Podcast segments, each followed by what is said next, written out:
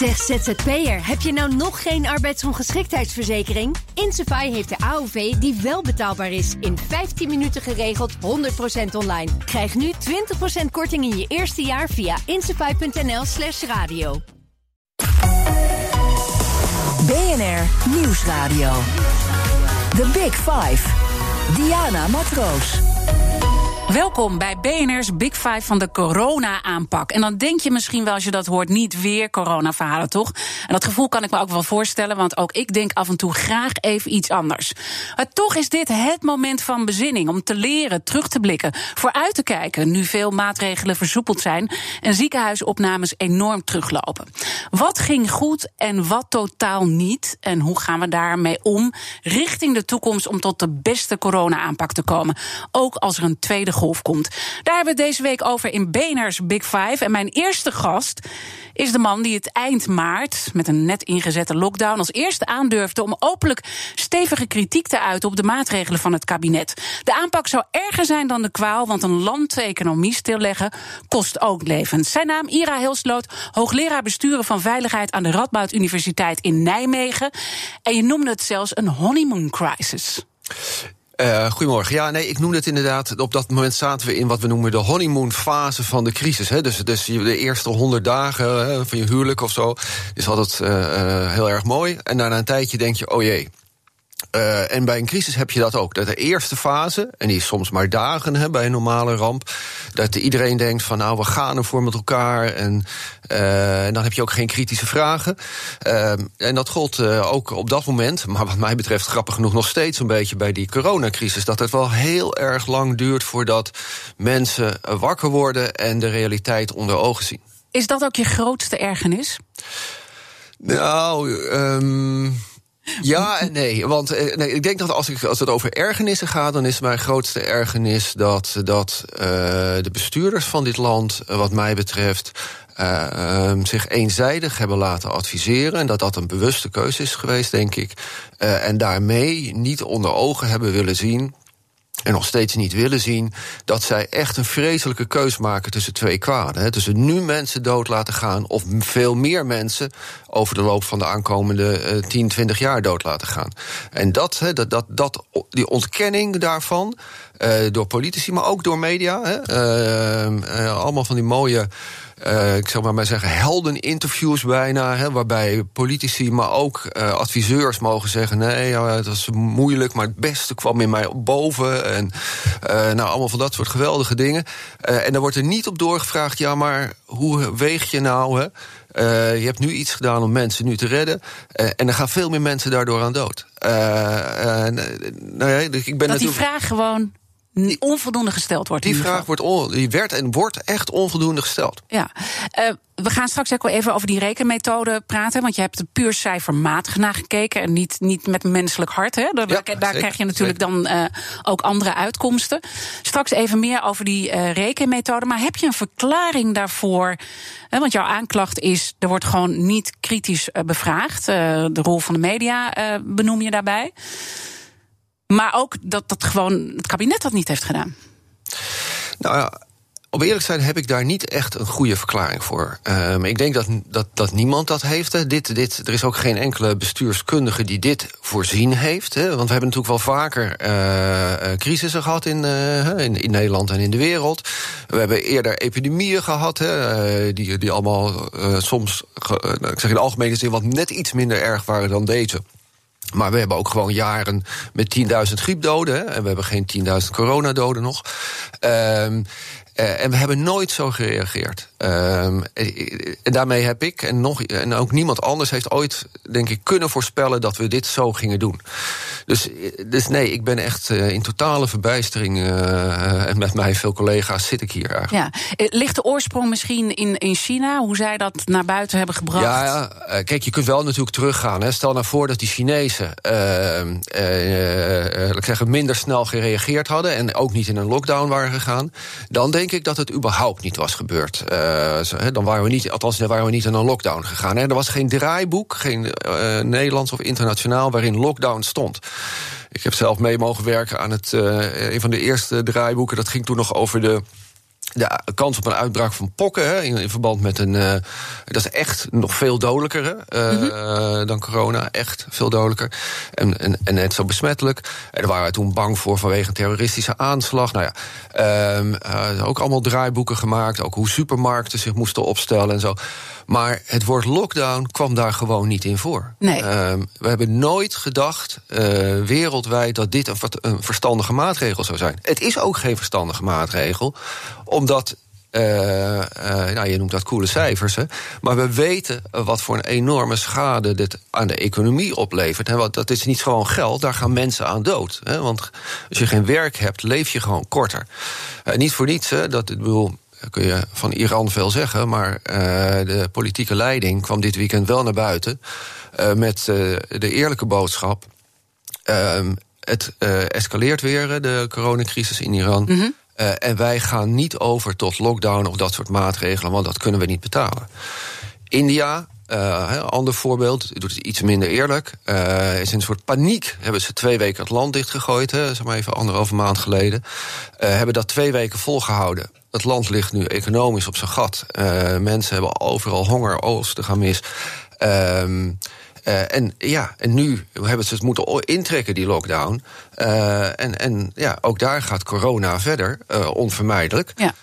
Um, overigens met hetzelfde soort slachtofferaantallen als bij zo'n hele zware griep. Nou zit ik even te denken van, ik snap je aanklachten, maar hoe onderbouw je dit nu echt cijfermatig? Want uh, Rutte zat gisteren ook uh, een uur lang bij op één. En nou ja, hij schat een beetje in dat er nu 70% kennis is. In het begin was dat er natuurlijk totaal niet.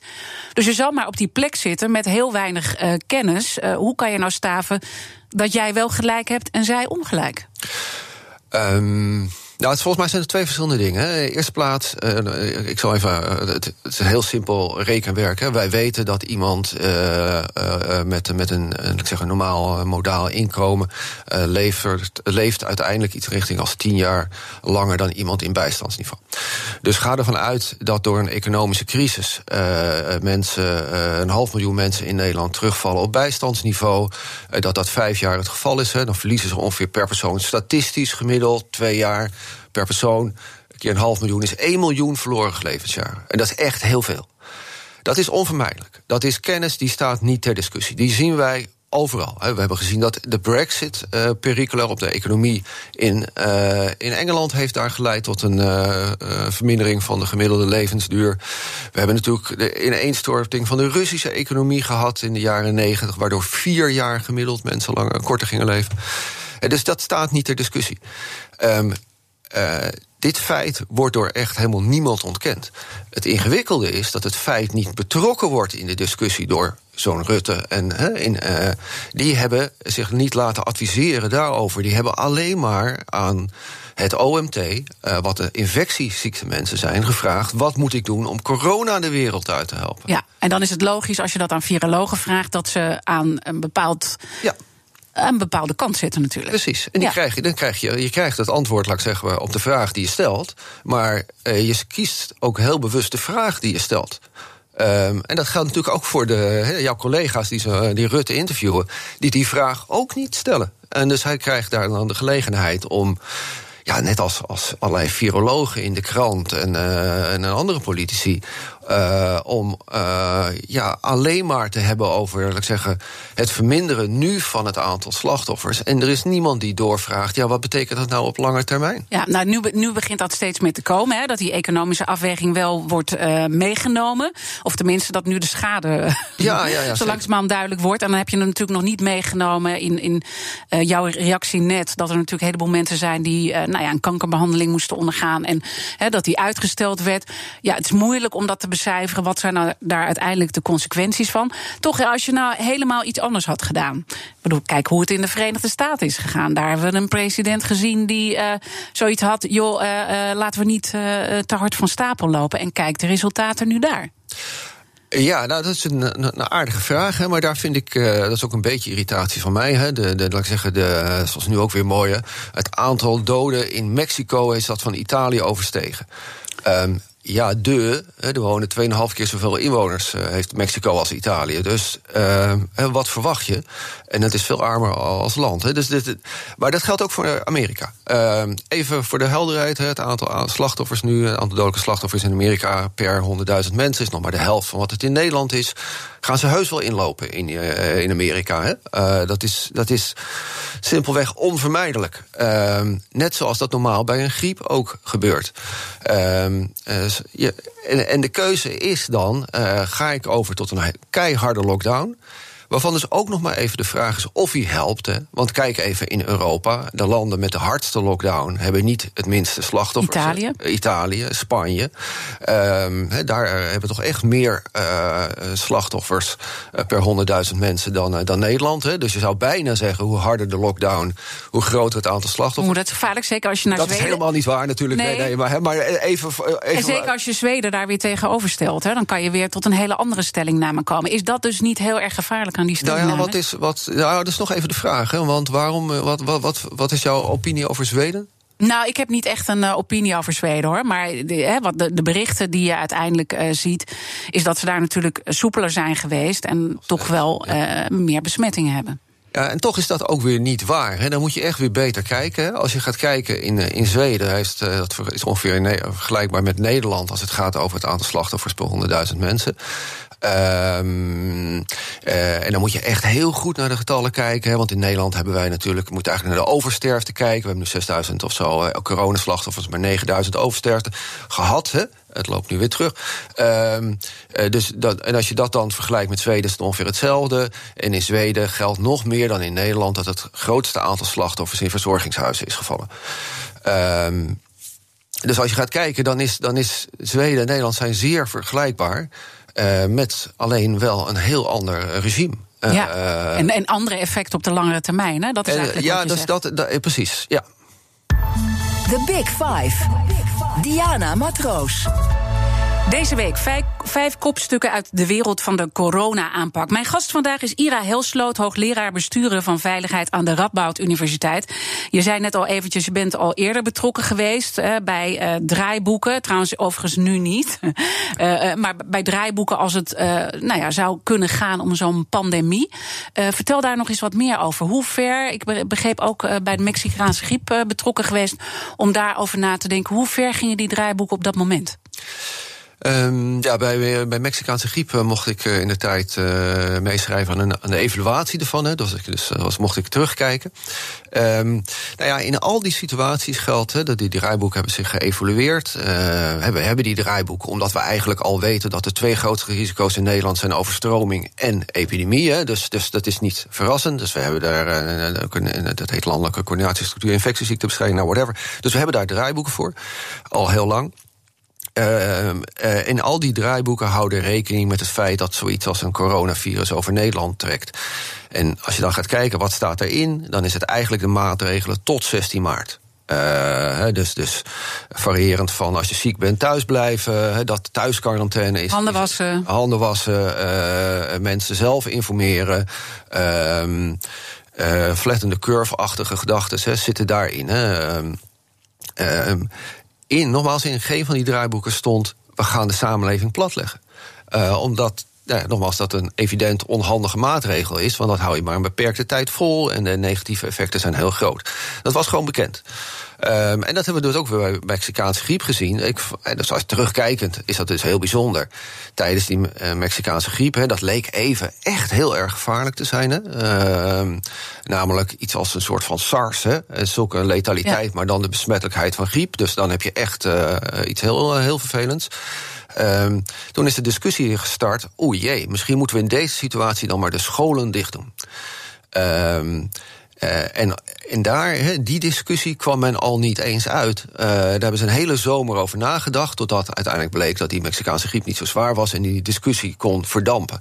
Want zelfs het dichtdoen van de scholen toen. He, waren dus, werd wat heel duidelijk wat voor grote negatieve effecten dat had. En er was niemand aan de infectiekant die echt keihard kon maken wat de baten ervan waren. En dus heeft toen de regering, nou ja, ik zeg een hele zomer lang dit besluit uitgesteld.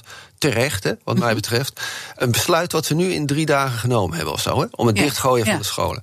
Dus er is blijkbaar tussen 2011 en nu hè, is er iets geestelijk veranderd. Waardoor wij maatregelen die toen en nu uh, onzinnig waren en enorm grote uh, negatieve effecten hebben, zomaar zonder zonder discussie bijna hè, doorvoeren. Ja, het is natuurlijk ook gewoon de maatschappelijke druk die een hele grote rol speelt. Hè? Want je kan natuurlijk draaiboeken maken tot je een ons weg. Maar als je uiteindelijk in een feitelijke situatie zit en één land gaat bepaalde stappen nemen, dan kan je bijna niet achterblijven. Ja, ik denk dat, dat, uh, dat we dat. Uh, nou ja, je kunt er bijna een mooi wetenschappelijk artikel zo langs deze lijn over schrijven, denk ik. Hè. Ik denk dat dat wel een soort van analyse achteraf gaat worden. Dat er een soort dat er is iemand, een land, begonnen met iets en dat zijn andere landen gaan overnemen. En niemand weet precies waarom. Uh, ik heb nog nou, ik probeer toch met veel mensen erover te praten. Ik heb nog niemand gehoord die me dat heeft kunnen uitleggen. Dus jouw uh, hypothese is uh, denk ik ook de mijne. Er zit iets, iets bizars in, de, in het domino-effect wat hiertoe heeft geleid. Ja. Kees de Kort heeft uh, onlangs gezegd: het is uh, niet erg als je fout zit, als je maar allemaal fout zit. Ja. Hij weet het altijd op die manier terug. Ja, nou, ja, ja, ja. ik vind het wel mooi geformuleerd. Ja, en toch hè, tegelijkertijd, want ik, ik puzzel gewoon in mijn hoofd van hoe, hoe zit het? Je kan, kijk, de wetenschap heeft ook tijd nodig om dingen te wikken en te wegen en nog een keer te toetsen en nog een keer te toetsen het is zo moeilijk als je in die situatie zit uh, en je moet een land besturen en je wordt, wordt geadviseerd uh, door een aantal mensen die nog ook niet helemaal het beeld compleet hebben, dan is voorzichtigheid misschien wel de beste raadgever. Um, ja, ja en nee. Het is ongelooflijk ingewikkeld hè, als je daar zit. Hè. Dus ik kan dat makkelijk zeggen. Ik ben adviseur, wetenschapper, adviseur. Uh, dat is langs de zijlijn, kan ik allerlei dingen roepen. En nou moet je de verantwoordelijkheid nemen. Dus dat is echt heel erg ingewikkeld. En ja, we wisten heel veel niet. Uh, maar mijn mini-berekeningen, uh, die wisten we wel, die weten we wel, uh, die staat uh, nergens ter discussie. Dus wat, wat hoe, hoe, hoeveel empathie ik ook heb voor bestuurders in die ingewikkelde situatie. En hoeveel we ook niet wisten. En dat je daardoor misschien een aantal dingen uh, moet nadenken. Of je niet wat extra's doet dan normaal.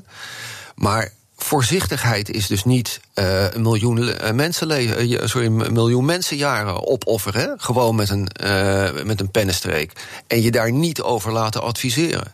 En dat vind ik niet voorzichtigheid. Dus, ik, dus ja, ik begrijp heel goed dat je daar ingewikkeld zit. En ik begrijp heel goed dat je misschien.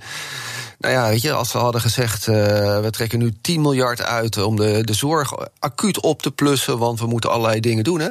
Uh, Be My Guest. Uh, daar, had je, had ik niet achteraf over uh, geklaagd. Uh, maar een maatregel nemen met zo'n onvermijdelijk groot negatief effect. Ja. Dat, en dus een andere voorbeeld daarvan, want dat, dat zit mij ook echt heel erg dwars...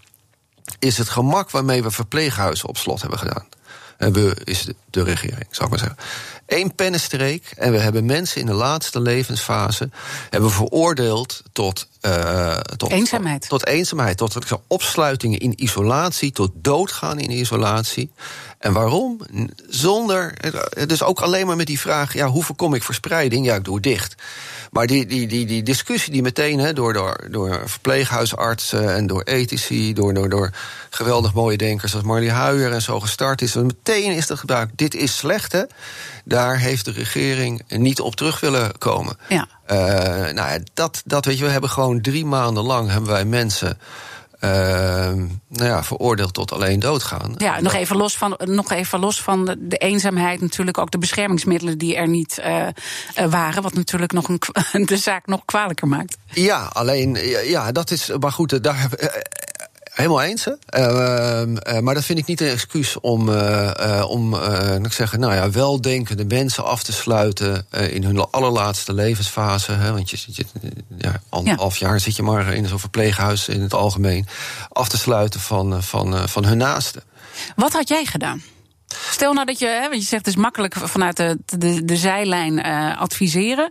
Maar stel dat je daar had gezeten, in dat team, in dat OMT. Nou ja, als ik in het OMT had gezeten, eh, dan uh, dat is makkelijker. Want dan had ik namelijk geadviseerd. En ik weet wat ik geadviseerd heb, zou hebben. Want dat heb ik altijd geadviseerd. Namelijk, hou het bij de maatregelen van 15 maart. Ehm, dus, dus als je ziek bent, thuis blijven. Nou, al die maatregelen die we al, laat ik zeggen, twintig jaar in het draaiboek hebben staan. Dus ik had gezegd, we gaan hier helemaal niet de, deze economie platleggen. Want ik weet, althans, dat zou mijn advies zijn. Uh, ik weet hoe slecht het is. Iets anders is, stel voor dat ik nou minister-president was of minister uh, van Volksgezondheid. Hè. Had ik dan de durf gehad om mijn carrière uh, nou ja, op het spel te zetten? Hè? wetende uh, wat, wat er over mij geschreven zou worden. Hè, door media die meteen natuurlijk. Al dit is de, de, de, de, de echt tranentrekkende, individuele, zielige uh, verhalen naar voren zouden brengen. Een Tweede Kamer die totaal niet, uh, nou ja, op een soort kleuterschoolniveau, om excusele modus, niet heel erg wetenschappelijk, maar wel op zo'n soort niveau mening, alleen ja. maar uh, over mondkapjes en zo uh, tekort kon praten. En niet dit soort discussies hè, over waar, wat, wat is nou het echte beleid daar niet over wilde nadenken. Uh, ja, had ik dan zo sterk geweest als ik op die positie was geweest om, om dat brede advies te vragen en daar ook naar te Ik hoor je zeggen nee. Ik, uh, ik, ik weet het niet. Ik, ik weet uh, uit, uit alles wat wij bestudeerd hebben hoe ontzettend ingewikkeld het is. En hoe weinig echt stoere bestuurders we hebben in, een, in dit land die dat durven. En je zegt, we hebben misschien uh, meer bange bestuurders dan bange burgers. Uh, ja, dat heb ik eerder gezegd. Ja, want ik weet, dat weten we ook uit onderzoek, dat als we dit vragen aan, aan gewoon een dwarsdoorsnede van Nederlanders, dat de gewone Nederlander, die weet dat er iets bestaat als pech en zo, hè, in overgrote meerderheid dan zegt, nou ja, alles overwegende, zou ik toch hebben gezegd, we moeten de pech een beetje accepteren en we moeten rationeel besturen. Maar ik weet ook hoe ingewikkeld dat voor bestuurders is. Oké, okay, daar gaan we zo uh, verder over praten. Mijn gast is uh, in BNR's Big Five van de corona-aanpak... is hoogleraar besturen van veiligheid Ira Helsloot aan de Radboud Universiteit. Hij uitte zijn kritiek al toen de lockdown nog maar net was ingezet. Wat betekent het voor hem persoonlijk om al zo vroeg tegen de stroom in te roeien? BNR Nieuwsradio. The Big Five. Diana Matroos. Welkom terug bij het tweede halfuur van BNR's Big Five. Deze week vijf kopstukken uit de wereld van de corona-aanpak. En mijn gast vandaag is Ira Hilsloot, hoogleraar besturen van veiligheid aan de Radboud Universiteit in Nijmegen. En uh, ja, Ira, mijn gasten stellen elkaar natuurlijk uh, vragen. De kettingvraag, zoals we dat uh, noemen. In de vorige aflevering, dat was trouwens de laatste aflevering van Roelof Hemmer. Roelof, we missen hier. We hopen dat je blijft luisteren naar Big Five natuurlijk. Maar zijn gast afgelopen vrijdag was cabaretier Javier Guzman. En die had deze vraag voor je over je titel hoogleraar, hoogleraren, hoogleraar besturen van veiligheid. Hoe bestuur je veiligheid? Nou, een hele korte vraag, maar wel heel zinnig, denk ik. Ja, een hele mooie vraag. Um, uh, misschien is het korte antwoord wel na al het onderzoek uh, niet. uh, het is, dus, kijk, wat wij proberen, ook als onderzoeksgroep, proberen te onderzoeken hoe komt veiligheidsbeleid nou tot stand en hoe zorg je dat dat uh, een beetje redelijk is? Hè, waarbij kosten en baten van veiligheidsbeleid nou met elkaar in evenwicht zijn. Um, nou ja, laat ik zeggen, um, uh, in, in, in, nou, sinds 2007 ben ik hoogleraar. Uh, misschien is, is 13 jaar onderzoek levert wel op dat we nog steeds geen idee hebben uh, hoe dat nou precies bestuurd kan worden, gestuurd kan worden, fatsoenlijk veiligheidsbeleid. maar we hebben wel, we noemen dan aanjagende en dempende krachten voor goed veiligheidsbeleid. en laat ik zeggen, de belangrijkste dempende kracht die we in al die tijd hebben gezien, is toch gewoon stoer bestuur bestuurders die durven om besluiten te nemen. En een belangrijke dempende kracht is ook het, het inzicht dat de samenleving eigenlijk veel redelijker uh, in, in veiligheidsbeleid zit dan, dan nou ja, bestuurders en zo vaak denken. Terwijl een hele belangrijke aanjagende kracht is uh, de angst voor uh, uh, persoonlijke aansprakelijkheid bij bestuurders, ambtenaren en adviseurs. En ook een hele belangrijke aanjagende kracht is smaldenkend advies. Nou, dat zijn precies degenen die we het eerste half uur volgens mij ook een beetje langs hebben zien ja. komen. Um, dus ja, dat is een, een, een, een misschien wat. Uh, uh, nou, het was een goede vraag en ik ja. heb geen kort antwoord. Dus behalve ja, we weten het eigenlijk niet zo goed. Nee, we weten het niet zo goed. En, en toch doe je bepaalde duidelijke uitspraken daarover. Hè, vanuit uh, nou ja, het feit dat je toch niet helemaal precies weet hoe dat werkt. En dat is eigenlijk, hoor ik je zeggen, de, de bestuurders zijn niet stoer geweest. Ja. en de burgers zijn onderschat. Uh, dat denk ik uh, wel. En dat, want dat voor het laatste ook, hè, dus het eerste daar hadden we het al even over. Hè, dus die, die bestuurders die niet, niet echt hebben gedurfd om het brede advies te vragen. Eén kort dingetje erover. We hebben het de hele tijd over het OMT. Maar formeel is het zo dat het OMT niet de minister adviseert, maar het OMT adviseert iets wat het BAO heet, het bestuurlijk afstemmingsoverleg. En eigenlijk moet dat heel breed kijken. dus je hebt eigenlijk, was de structuur goed. Je hebt een heel specialistisch advies. En dan komt het in een nieuwe club. Uh, die moet breed kijken naar de effecten op de samenleving. En het is nu zo georganiseerd dat die uh, BAO-club ongeveer een uur de tijd had uh, om dat OMT-advies te verwerken. Ja, dan kan je dus alleen maar zeggen ehm, doorgeleiden. En, weet je, dus het is nou ja, Ze hadden meer tijd moeten nemen voor bezinning dan? Want het, ja, precies. En dat, tijd was natuurlijk ook heel moeilijk als je midden in zo'n crisis zit. Hè? Want dat is natuurlijk zeker, ook zeker, maar, onderdeel van besturen van veiligheid, crisismanagement. Absoluut. Hè? Dus je weet wel, je hebt druk en onzekerheid en allemaal van dat soort dingen. Uh, maar als je het OMT, laat ik zeggen, een week de tijd heeft uh, voor een nieuw advies en je geeft het bouwen een uur de tijd, ja, dan is dat een keuze. Ja. Um, uh, en is daar dan helemaal geen. Want ik bedoel, ik neem aan dat je die mensen wel hebt geprobeerd te spreken. Want laten we even teruggaan. Je hebt op een gegeven moment gedacht. Ik moet dit verhaal naar buiten brengen. Ik ben, ik ben heel uh, kritisch. Hè. Uh, we zaten in die honeymoon crisis, zoals je hem eerder omschreef. Hè. Het volk vond, we, we doen het allemaal fantastisch. En het ging over de helden. Wat was het moment dat je dacht, ik moet het doen en werd het je in dank afgenomen? Nou ja, ik wil vrij, eh, ik, laat ik zeggen, een week na die uh, grote lockdown uh, heb ik er voor het eerst. Uh, bedoel, ik, ik, ik zou de, op het moment, laat ik zeggen, twee, dat is niet, niet omdat ik knap ben, hè, maar, maar twee minuten nadat het besluit was genomen, zag ik wat dit voor een effect ging hebben. Hè. Dus het kan niet zo zijn dat je dan, bedoel. Je kan niet de economie tegen een, met 100 km per uur tegen een betonnen muur oplopen en dan denken, zoals een minister nog zei, nou, wat valt dat nou tegen dat het niet meteen ja. weer opstart? Um, het was echt totaal voorspelbaar dat dit het effect ging, uh, ging hebben. Um, en dus ik heb na een week een brief daarover gestuurd naar de Volkskrant, ingezonden brief. En, en, en, een week daarna uh, bij, bij op één en zo. omdat ik dacht, dit moet wel. De, deze honeymoonfase moet zo snel mogelijk afgerond worden. We moeten zo snel mogelijk elkaar in de ogen kijken. Is dit verstandig beleid? En dan moeten we het aanpassen. Um, dus, en ik, ik, nou ja, er was op dat moment niemand anders die dat nog uh, zei. Uh, dus ik denk, nou, dan, dan ik, ik vond dat en ik vind ja. dat ik dat moet doen. Hè. Dat is mijn taak als wetenschapper om ja. dat te doen. Uh, hoewel vanuit, ik daar de... vanuit stoer ook, hè? Je moet als bestuurder stoer ja, zijn. Dat dus is moet je, je stellingname, dus moet je het zelf ook doen. Dan moet je het zelf ook doen. maar ik wist wel, hè, want, dat dat niet, ik zeggen, in eerste instantie niet vrolijk ging worden. Hè. Dus, dus ehm, ik had niet verwacht dat ik bij op één echt ook nog een hele, ik ehm, uh, een, een, een, een, ja, een, dat, een presentatrice met een zeer sterke mening de andere kant op had. Hè, die, die, die, die dat echt zo oh, nadrukkelijk zou, zou presenteren. Uh, maar ik wist wel dat dat gedoe ging opleveren. Uh, uh, en dat is er ook natuurlijk heel veel gekomen. Uh, ja, vertel eens, wat gebeurde er? Nou ja, ik, ik hou de reacties een beetje bij. Hè, dus ik heb ongeveer 700 directe reacties uh, gehad. dus voor de rest kijk ik niet op sociale media, maar de directe reacties. Ehm, en daarvan is ongeveer 90% positief. Maar er is ook 10% en die zijn echt heel erg negatief. Hè. En daar zitten bedreigingen in. En daar zitten in, hey nazi, lul, ik hoop dat dit jouw kinderen ook overkomt. Hè. En, en dat, dat is toch gewoon niet leuk om. Hè? Dus, dus, en ik begrijp natuurlijk best dat mensen geëmotioneerd kunnen zijn en zo. Uh, maar het maakt wel dat, het, dat je. Nou ja, het debat is niet open. Uh, en dat vind ik dus zowel. Uh, merk ik dat ook in de positieve mensen die tegen mij zeggen, collega's ook uit ziekenhuizen, et cetera, die zeggen: Het is goed dat jij dat zegt, maar ik durf het niet.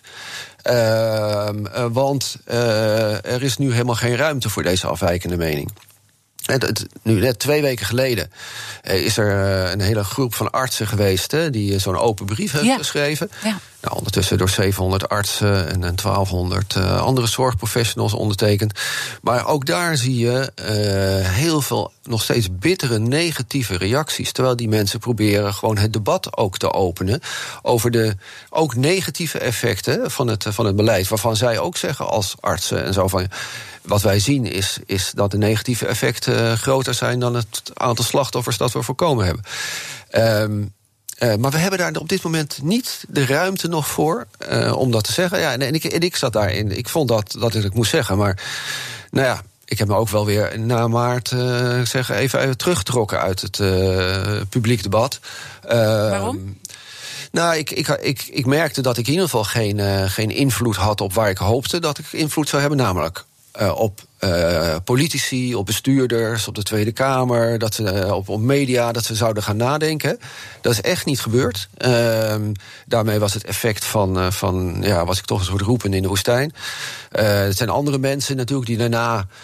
zijn gekomen, variëren, die, die, die, die er meer ingeslagen zijn om het debat te openen. of het nou ehm, uiteindelijk zo iemand als Maurice de Hond. Uh, ja, uh, kun je allemaal dingen van vinden. Maar hij is wel ingeslaagd om het debat te openen.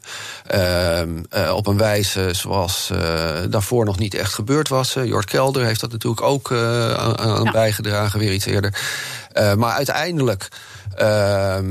Uh, tot op heden uh, is er gewoon geen open debat. Uh, en ik, dat, dat, dat, nou ja, het interview met Rutte, eh, waar alleen maar toch hij zichzelf als held mag neerzetten. Uh, interviews met, uh, nou, aan het eind van deze week heb je Marion Koopmans als, als gast.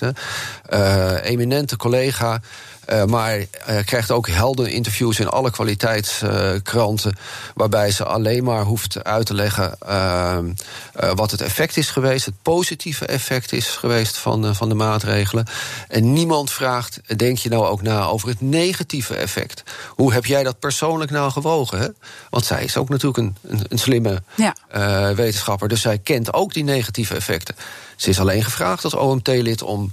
Hoe krijg ik die virus kleiner? Maar ja, nou. oké, dus jij hebt echt geprobeerd om die openingen te vinden. Met, met wie heb je geprobeerd te spreken? Ook binnen de politiek? Heb je ministers gesproken? Uh, Kamerleden? Ik, ja, ik heb Kamerleden gesproken. Ik heb geen ministers uh, gesproken. Ik heb, uh, ik zeg, met alle topambtenaren toch eigenlijk wel gesproken die daarbij bij betrokken zijn. Ehm, ehm nou, degene die met mij spreken, die zijn natuurlijk misschien ook wel weer een beetje. Uh, is dat dan een selectie, hè? Want anders spreken ze misschien niet met mij. Uh, maar ik vond wel opvallend dat, de, dat mijn grosso modo zei: ja, je hebt wel gelijk. Wij begrijpen ook niet wat, hoe we hier gekomen zijn. En we begrijpen ook niet, we weten niet hoe we eruit moeten komen. Maar uh, jouw boodschap is nu niet de boodschap die, uh, die uh, de samenleving, denken ze dan, hè, de Kamer in brede zin aan kan. Dus ik heb echt wel mijn best gedaan. En ik ben ook, ook, ook gevraagd. Hè, dus er zijn topambtenaren geweest die eigenlijk jou gewoon gelijk geven, maar zeggen. Ja, ja, ja, ja. Die, die boodschap kunnen we nu. Want eigenlijk, we zitten in iets en we kunnen niet meer terug. Precies, precies. En, en wat, wat zegt dat jou eh, als het gaat om het leren van lessen? Nou ja, dat, dat, uh, dat is natuurlijk waarom het nou goed is dat, en waarom ik vind dat ik nu ook weer dingen moet zeggen. Dat we heel erg de zomer moeten gebruiken om, om hier aan te ontsnappen. Uh, want we krijgen natuurlijk een tweede golfje. Hè? Waarschijnlijk niet een tweede golf, maar een tweede golfje. En we moeten echt voorkomen dat we hier dan weer in vallen. Straks is Jurgen. BNR Nieuwsradio. The Big Five. Diana Matroos. Je luistert nog steeds naar BNR's Big Five van de corona-aanpak. En mijn gast is Ira Helsloot, hoogleraar besturen van veiligheid. Je zei net al eventjes, ja, dat tweede golfje gaat natuurlijk uh, gewoon uh, een keer komen. Um, zijn we dan wel goed voorbereid of... Uh, ja, ik, ik, denk eigenlijk vanuit jouw optiek dat we niet goed zijn voorbereid. Want die bezinning hebben we nog niet voldoende gepakt. Nee, ik denk dat dat. Uh, nou, dat is waarom ik ook hier ben. Een, een, een, Gelderlander uh, van het weekend. Uh, ik denk dat we dat moment van bezinning moeten, moeten pakken met elkaar. En, en, en dan moeten we constateren dat we eigenlijk net zo goed voorbereid waren als we begin maart waren. dat we eigenlijk wel weten wat verstandige maatregelen zijn. En dat we daar ook bij moeten houden, wat mij betreft. om, om, om, om nog meer economische en daarmee volksgezondheidsschade te voorkomen. Want, want, ja, Jurgen Ruijman zegt net uh, wereldwijd de impact. Uh, daar hebben we het niet over gehad. Maar wereldwijd gaan er alleen al dit jaar een half miljoen mensen extra dood aan aids. Uh, omdat vanwege corona-lockdowns hun medicijnen niet bezorgd zijn. Uh, dus ook wereldwijd, weet je wel. we hebben nu ja. 300.000 coronadoden wereldwijd. Maar het aantal extra TBC, aids, zei ik al. 200 miljoen mensen extra nu al die echt honger hebben, hè, door hongersdood bedreigd worden. Die effecten zijn alcohol veel groter wereldwijd, de negatieve effecten, dan, dan corona. En dat hebben we nog allemaal niet op het, op het netvlies. Ik weet wel dat uh, toen eigenlijk die corona-uitbraak er net was, had Dick Benschop van Schiphol, uh, die zat aan tafel bij Jinek. Uh, volgens mij was dat. En hij zei ergens in de slipstream van een heleboel medicijnen komen vanuit het buitenland ook hier naar Nederland. En dat loopt allemaal problemen op. Dus ook hier, uh, ja, ik weet niet wat die effecten dan zijn, maar ook hij voorzag dat we daar hier problemen mee zouden krijgen. Ja, en nou hebben we daar, uh, dus er vliegen nog steeds vliegtuigen met alleen maar medicijnen en zo. Hè, dus dat, dat, dat, wij zijn rijk, hè? Wij kunnen dat voor een belang. Ja, wij kunnen, dat is echt. Uh, we zijn we nu al meer in één klap vijf jaar terug of zo. Hè? Uh, maar we, wij kunnen dat hebben. Hè? In een volgende lockdown dan zitten we tien jaar terug. nou, dat kunnen we een paar keer volhouden voordat we echt in, in nou ja, de allergrootste problemen zitten. Maar dat kunnen andere landen niet. En bij ons heeft het natuurlijk vrij weinig effect, want inderdaad we kunnen onze samenleving niet afsluiten. Uh, dus, dus weet je, in, in bepaalde media is, is bijvoorbeeld Nieuw-Zeeland geweldig. Hè, met die minister-president die er ook ontzettend leuk uitziet en dat goed doet. Uh, in, in, in termen van sprankelijkheid en zo. Ja. Uh, maar ja, voor Nieuw-Zeeland geldt, die hebben zichzelf op slot gezet tot er een vaccin is. En dat kan echt nog jaren duren. Ja. Uh, en dan? Hè? Dan gaat nieuws. Oké, dus, dus, dus wat zou je heel uh, concreet doen? Nou, weet je, laten we anders even beginnen met de vraag voor morgen. Want misschien zit daar ook al nou ja, een kern van jouw betoog in.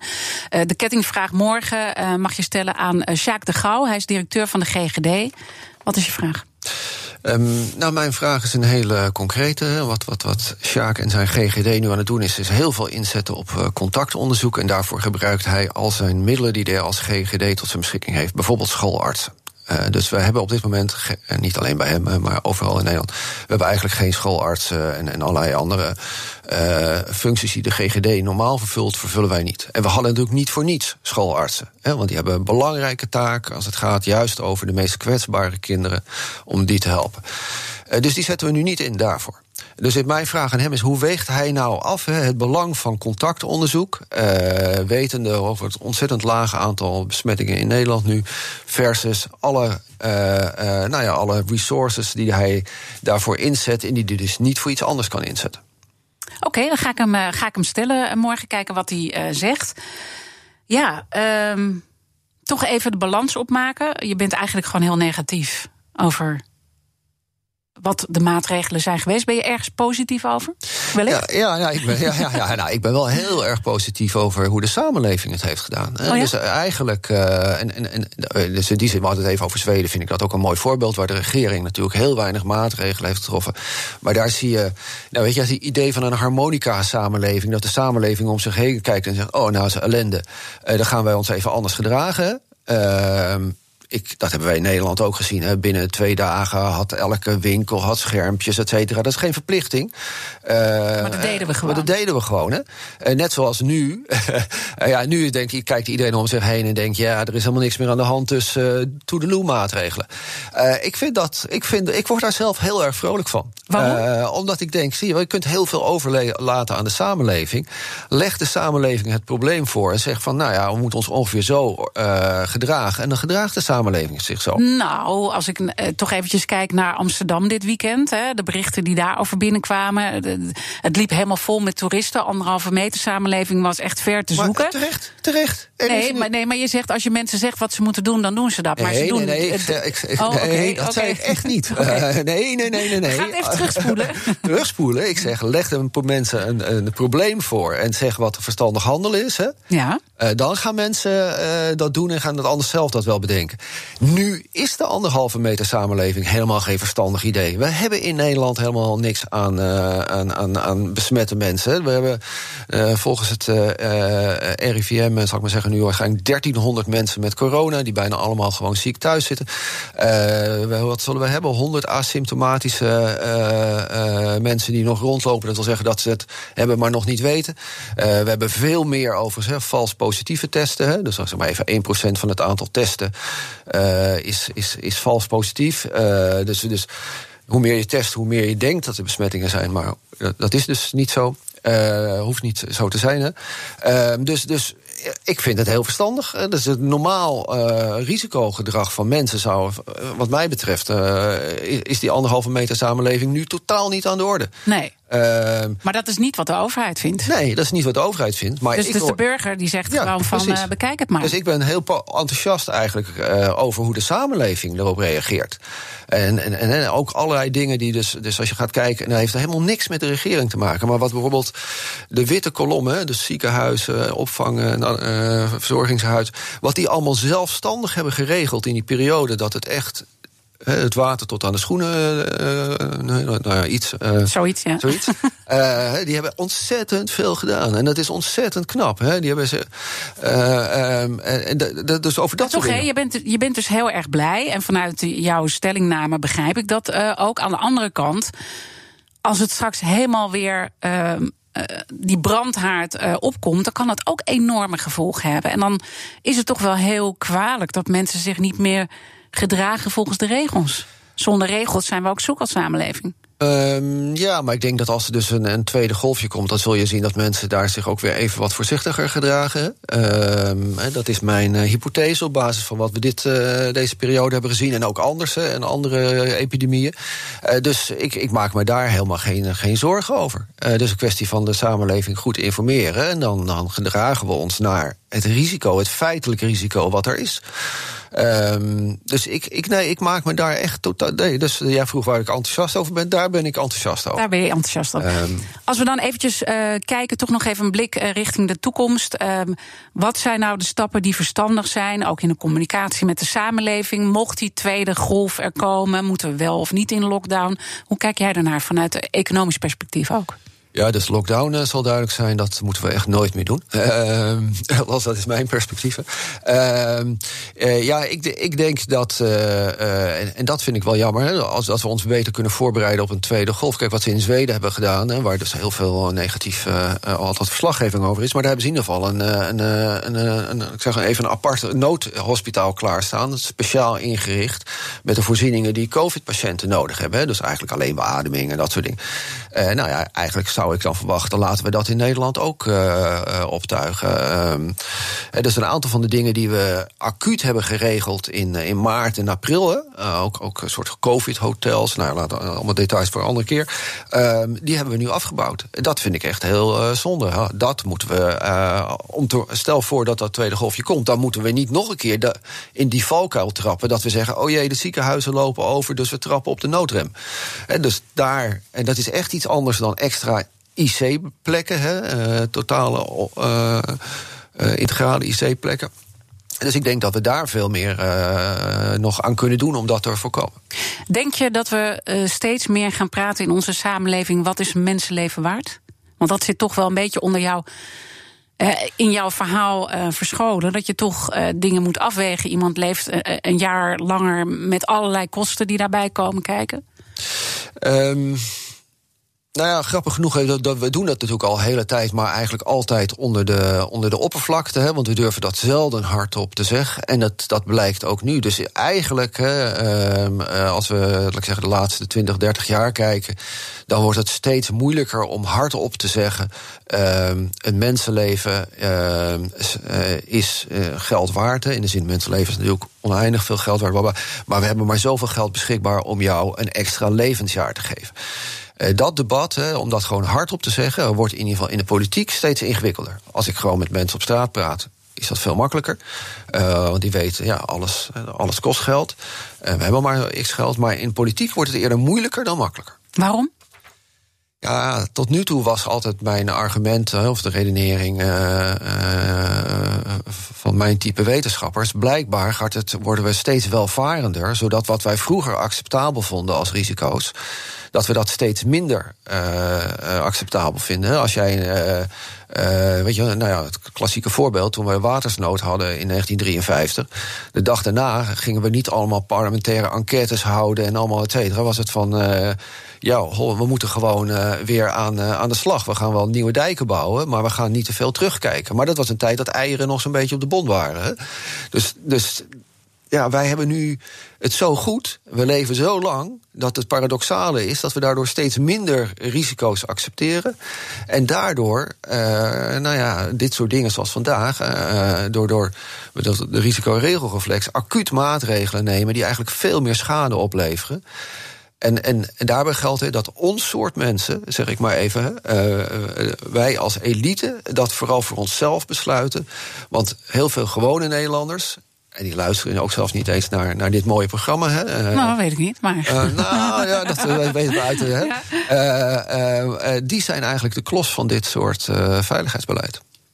Het is een uh, trieste conclusie om mee te eindigen, maar we zijn door de tijd uh, heen. Ik wil je heel erg uh, danken voor je inzichten en we gaan ze meenemen in de komende tijd. Hoogleraar Ira Helsloot, verbonden aan de Radboud Universiteit. Alle afleveringen van BNR's Big Five zijn zoals altijd terug te luisteren. Je vindt de podcast in de BNR-app en op bnr.nl. nu straks Jurgen Rijman met het programma Ask Me Anything. En ik wens jullie allemaal een hele mooie dag. Zeg ZZP'er, heb je nou nog geen arbeidsongeschiktheidsverzekering? Insafai heeft de AOV die wel betaalbaar is. In 15 minuten geregeld, 100% online. Krijg nu 20% korting in je eerste jaar via insafai.nl slash radio.